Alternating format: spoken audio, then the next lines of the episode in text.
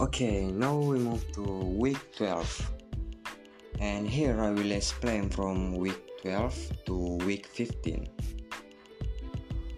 For the 12th week, is meeting we must make summaries for each unit in this course.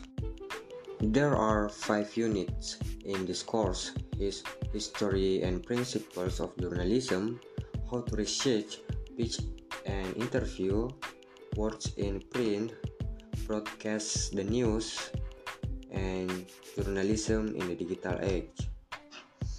A summary that should cover everything. The recommended form of summary is 5 ppt and it contains only keywords and pictures.